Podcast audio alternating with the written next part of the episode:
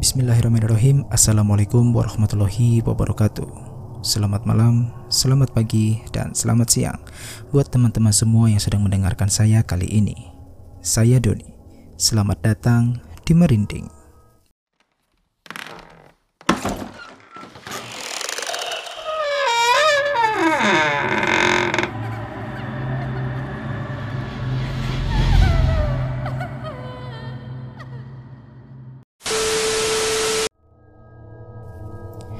Seperti biasa, sebelum saya menceritakan kisah kali ini dan kalian mendengarkannya, alangkah baiknya jika kita berdoa terlebih dahulu untuk meminta perlindungan Allah Subhanahu wa taala dari gangguan makhluk yang kasat mata maupun yang tak kasat mata. Berdoa dimulai.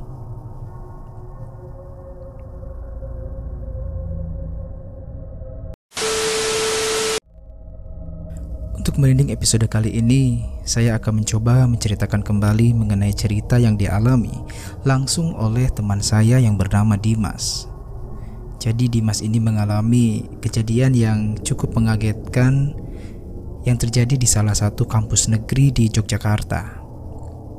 Baiklah tanpa berlama-lama, marilah kita dengarkan langsung ceritanya dari yang dialami oleh Dimas. Berikut kisahnya.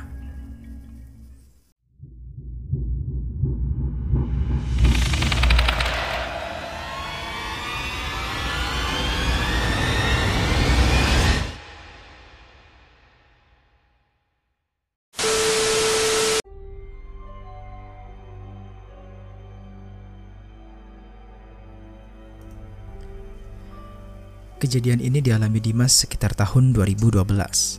Pada saat itu, Dimas baru saja lulus kuliah dan keterima di salah satu perusahaan asing dari Prancis di Yogyakarta.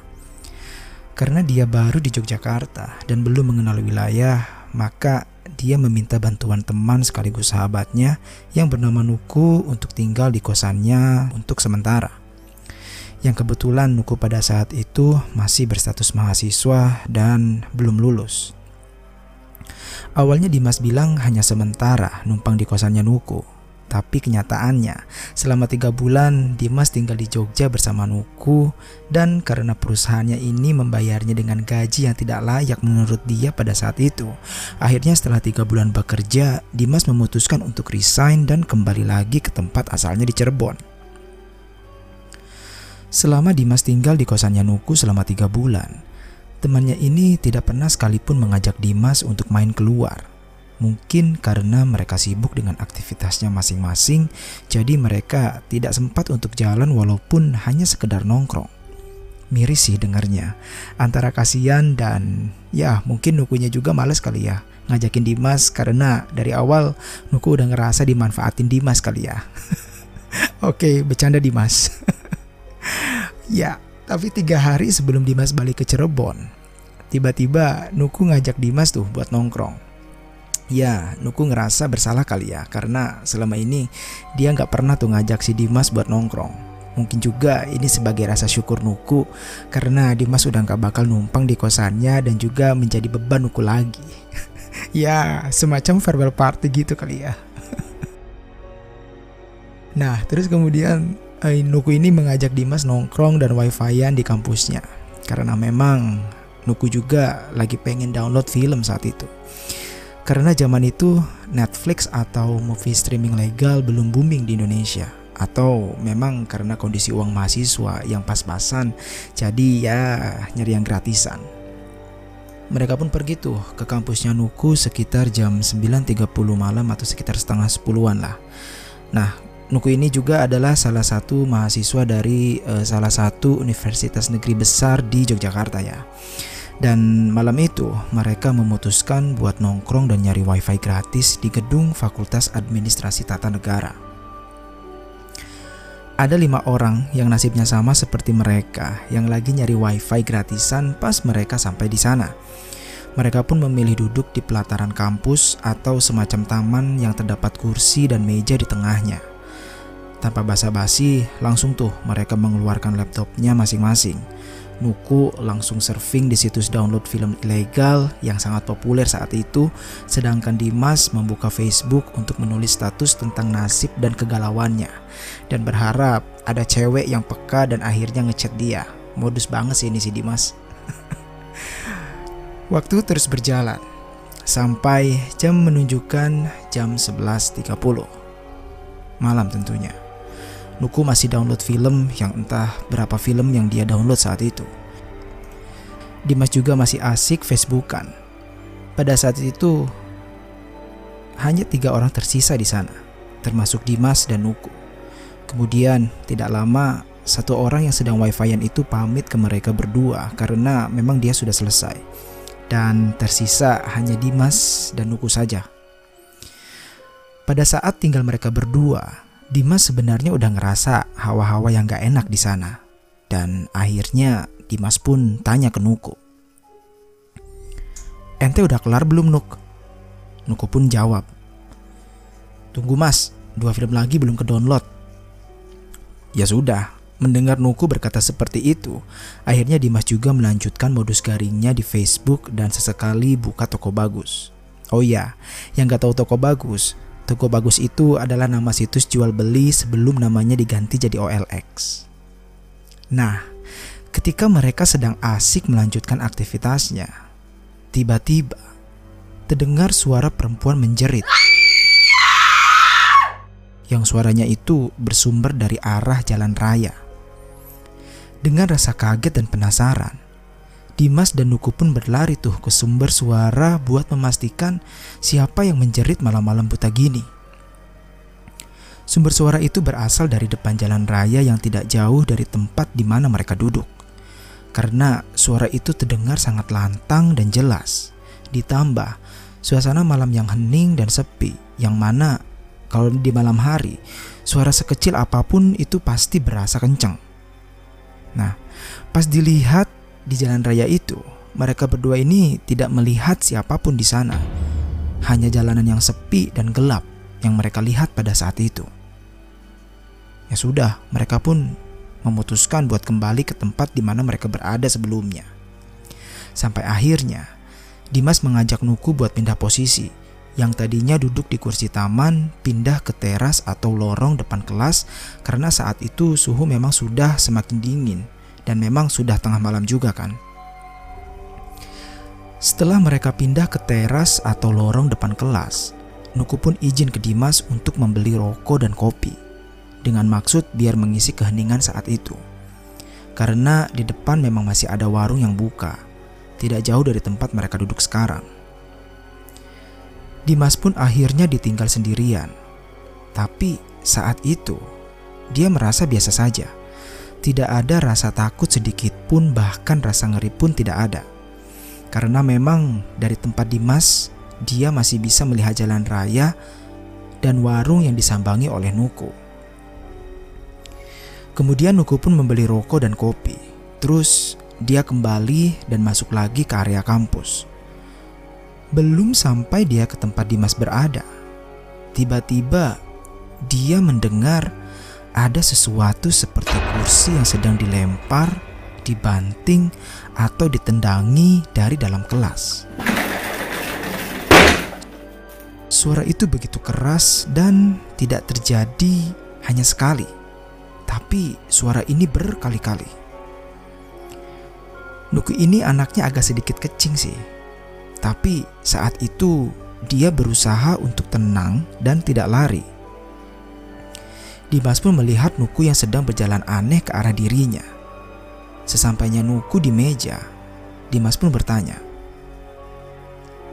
Ente kenapa Nuk? Eh, nggak apa-apa mas, jawab Nuku. Tapi Dimas merasa aneh karena pada saat Nuku sampai terlihat ada rasa takut dan keningnya ini terlihat berkeringat padahal suhu udara saat itu dingin. Nuku pun terlihat berusaha buat tenang dan melupakan apa yang dia dengar tadi. Kemudian dia pun melanjutkan mendownload film yang memang masih belum kelar tadi. Tidak lama dari sana, dari arah belakang di mana Dimas duduk sekarang, terdengar suara seperti pintu kelas yang terbuka perlahan. Kemudian refleks, Dimas pun menoleh ke belakang. Dan benar, pintu itu terbuka dengan sendirinya. Setelah tidak lama dari suara pintu terbuka, terdengarlah suara seperti orang yang sedang melangkah mengarah ke arah mereka. Tapi suaranya ini bukan berasal dari pintu kelas yang terbuka tadi. Terus tiba-tiba Nuku pun nyeletuk ngomong seperti ini. Wah, kayaknya udah disuruh balik nih mas. Pada saat itu, Nuku berpikir kalau itu adalah satpam kampus yang memang sedang berpatroli dan akan menyuruh mereka untuk pulang segera. Karena pada saat itu juga memang ada beberapa mahasiswa yang tidak bertanggung jawab sering menggunakan area kampus ini di malam hari untuk mabuk dan melakukan hal-hal yang negatif lah. Nah, lanjut tidak lama langkah suara kaki itu sampai di dekat mereka. Tak satu pun dari mereka merasa ada yang aneh. Karena pada saat itu mereka juga lagi fokus ke laptop masing-masing. Jadi mereka tidak memperhatikan tuh siapa yang datang, terutama si Dimas ini. Kemudian setelah mendekat sosok ini pun bertanya. Waduh, ngelembur Thomas. Dia bertanya dengan logat Jawanya yang kental. Nuku pun menjawab sambil matanya masih mengarah ke laptopnya. Jadi dia tidak melihat ke arah si orang yang berbicara ini. Iya pak Oh ada tugas ya mas? Tanya sosok itu Enggak kok pak Cuma main aja Ini hari terakhir teman saya ada di sini Jawab Nuku sambil menunjuk ke arah Dimas Tidak lama dari dia berucap Tiba-tiba Nuku kirim pesan BBM ke Dimas Aneh Padahal mereka duduk depan-depanan saat itu Ente udah kelar belum mas? Kemudian Dimas juga membalas BBM-nya Nuku tanpa melihat ke arahnya.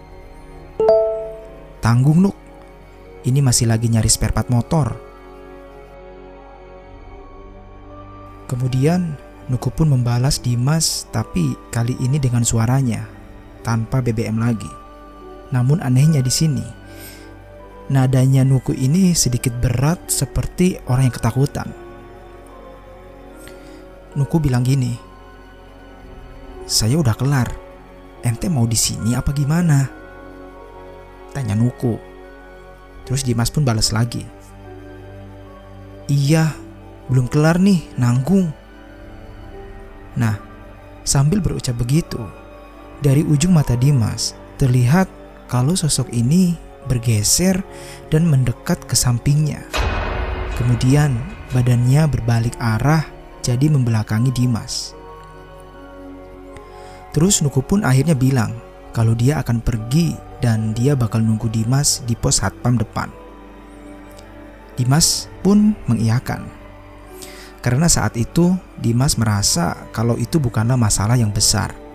Toh, walaupun Nuku pergi, dia berpikir kalau masih ada satpam yang ada di sampingnya. Walaupun dengan posisi membelakanginya. Tapi setidaknya dia nggak sendirian di situ. Dia masih ada yang nemenin.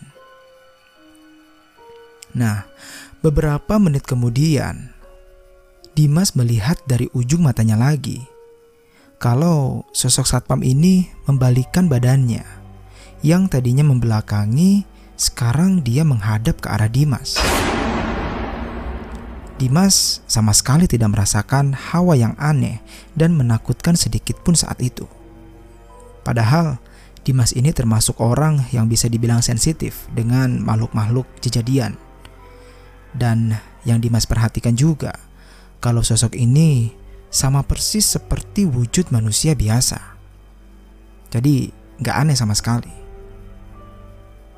Setelah si sosok ini membalikan badannya, kemudian dia bertanya kembali. Loh, Mas yang satunya ke mana? Dimas pun merespon, tapi dengan mata masih fokus ke laptopnya tanpa melihat sosok yang sedang bertanya ini. Oh, barusan saja pergi ke depan, Pak. Berarti masnya masih lama dong? Iya, Pak. Sepertinya begitu. Emangnya masnya ini asli mana? Saya Cirebon, Pak. Nah, inilah yang membuat Dimas tidak berpikir macam-macam sama sosok yang lagi bertanya. Karena dia berbicara dan bertanya layaknya seperti manusia biasa. Kemudian, tak lama sosok ini pun bertanya lagi. Masnya berarti kerja ya di sini? Iya pak, tapi saya pulang ke Cirebon lagi besok. Nah, saat inilah di mana Dimas menoleh dan melihat ke sosok yang berada tepat di sampingnya. Apa yang Dimas lihat? Tidak terlihat ada keanehan dari orang yang sedang mengajak ngobrol dirinya. Dimas melihat seorang pria dengan seragam kaos satpam yang bertuliskan security di belakangnya. Dia mempunyai badan yang tinggi dengan rambut pendek semi cepak dan berkumis. Mungkin kalau ditebak usianya sekitar 45 tahunan. Tapi satpam ini anehnya dia mempunyai wajah dan kulit yang putih dan juga bersih. Tidak seperti satpam pada umumnya. Pokoknya wajahnya dan kulitnya ini bersih lah. Oke, setelah itu Dimas pun melanjutkan dengan toko bagusnya. Dan satpam ini terlihat bergeser agak menjauh dari Dimas dan ia terlihat duduk di sebuah kursi. Kemudian tidak lama, tiba-tiba Nuku pun mengirimkan BBM lagi ke Dimas. Beko, ente udah kelar belum? Terus Dimas balas. Kenapa sih emang? Coba ente jatuhin pulpen ke lantai. Terus lihat itu satpam. Ada kakinya apa enggak? Ada kok. Ada apa sih? Ketika Dimas balas seperti itu, dia tidak menjatuhkan pulpen sesuai dengan yang diperintahkan Nuku. Dia hanya langsung melihat ke arah si satpam yang sedang duduk tidak jauh darinya. Nuku pun membalas lagi BBM Dimas. Enggak mas, ente harus jatuhin dulu pulpen ke lantai. Terus ente lihat kaki satpam itu. Tapi Dimas kekeh. Kalau dia yakin gak ada apa-apa dengan si satpam tersebut. Tidak lama kemudian, satpam tersebut bangkit dari duduknya dan berucap pamit ke Dimas. Mas, saya tinggal dulu ke depan ya. Dimas pun melihat ke arah satpam itu dan menjawab iya. Sosok satpam ini pun berjalan perlahan menjauhi Dimas. Dan saat itulah Dimas tiba-tiba kepikiran dan penasaran dengan apa yang Nuku bilang dan sarankan. Akhirnya, Dimas pun mencoba menjatuhkan pulpen ke lantai. Ketika Dimas mengambil pulpen itu, dia memfokuskan pandangannya ke kaki si satpam yang sedang berjalan itu. Dan benar kata Nuku, satpam ini berjalan melayang dengan kaki yang tak terlihat. Jadi, ujung celananya ini sobek seperti kain tercabik-cabik dengan kaki yang tidak tampak. Sontak Dimas kaget dan panik saat itu. Kemudian dia tergesa-gesa, dia mencabut kabel-kabel laptopnya karena ingin segera pergi dari tempat tersebut. Dan mungkin karena dalam keadaan panik juga, entah kenapa itu kabel susah banget untuk dicabut. Jadi Dimas sekarang berada di posisi yang kesal, panik, dan juga takut. Nah, pada saat Dimas dalam keadaan seperti itu, tiba-tiba entah kenapa terlihat si satpam ini malah berbalik arah dan berjalan menuju Dimas kembali. Ya tambah panik dong Dimas. Dimas pun langsung mempercepat beres-beresnya. Setelah sampai di dekat Dimas, satpam itu pun bertanya lagi. Dia ngomong, Udah selesai mas. Pada saat itu, Dimas tidak langsung merespon dia. Dia fokus ke barang-barangnya untuk masuk ke dalam tas terlebih dahulu. Setelah semua barang masuk ke dalam tas, Dimas pun merespon dengan nada yang buru-buru dan tidak melihat sama sekali ke wajah si satpam ini. Iya pak, sudah. Dan satpam ini malah bilang dengan nada sedikit tertawa. Udah selesai atau udah tahu? Mendapat pertanyaan seperti itu, tanpa pikir panjang Dimas pun langsung lari tunggang langgang tanpa memperhatikan lagi keberadaan si sosok satpam ini. Dimas langsung mengambil langkah seribu menuju ke pos satpam yang berada di depan di mana Nuku sedang menunggunya. Kemudian sampailah Dimas di pos satpam. Sesampainya di sana, Dimas pun langsung memaki Nuku. Di sana Nuku malah ketawa-ketawa karena dia merasa udah ngasih tahu Dimas tapi dia malah gak percaya. Dan pas sampai ke pos satpam itu, Nuku di sana sudah bersama dengan satpam kampus. Satpam ini beneran ya, ini dia manusia.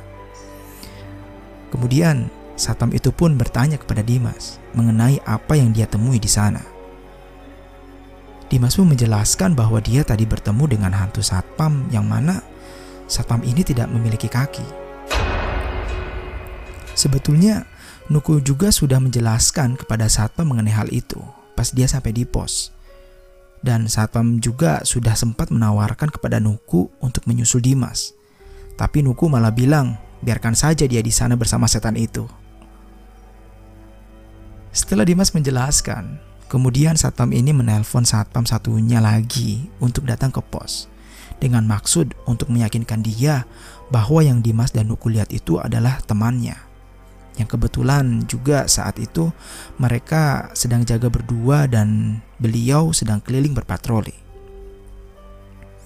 Ketika satam satunya ini datang ke pos, kemudian dia bertanya dan meyakinkan apakah beliau yang mereka lihat di dalam. Tentu saja mereka kompak menjawab bukan. Dimas pun kemudian menjelaskan mengenai ciri-ciri satpam yang dia lihat tadi. Nah, setelah mendengarkan cerita dan penjelasan dari Dimas, Bapak Satpam ini kemudian mengiyakan perihal sosok tersebut, yang mana memang sosok ini sering terlihat dan menampakkan dirinya. Dan juga memang ada cerita bahwa dulu pernah ada satpam yang gantung diri di dalam kelas karena dia depresi dan tidak sanggup menerima kenyataan kalau anaknya ini meninggal dunia karena kecelakaan. Ya mungkin sosok Satam inilah yang sering mengganggu dan orang-orang lihat di sekitaran kampus. Setelah mendengar penjelasan Pak Satpam itu, Dimas dan Nuku pun akhirnya memutuskan untuk cepat-cepat balik ke kosan dengan lutut yang masih lemas dan jantung yang masih berdegup kencang karena sudah diperlihatkan sosok setan satpam penunggu kampus. Dan ada fakta lain. Ternyata tidak hanya Dimas dan Nuku saja yang pernah melihat sosok ini. Jadi, temannya dari istri Dimas ini, dulu dia juga salah satu mahasiswa di kampus tersebut. Dan dia pernah didatangin dan dilihatkan sosok ini. Cuman pada saat itu, temannya istrinya Dimas ini jatuh pingsan karena saking ketakutan. Jadi mungkin cerita setan satpam ini cukup terkenal ya di kalangan kampus tersebut. Coba kalian tahu di mana kampus ini berada? Kalau kalian tahu berarti di situlah tempatnya. Baiklah teman-teman, itulah cerita kita hari ini. Semoga apa yang saya ceritakan kali ini bisa menghibur kalian dan mohon maaf apabila masih banyak kesalahan dalam penyampaian cerita. Saya akhiri kisah kali ini dengan Billahi taufiq hidayah. Wassalamualaikum warahmatullahi wabarakatuh. Akhir kata, salam merinding.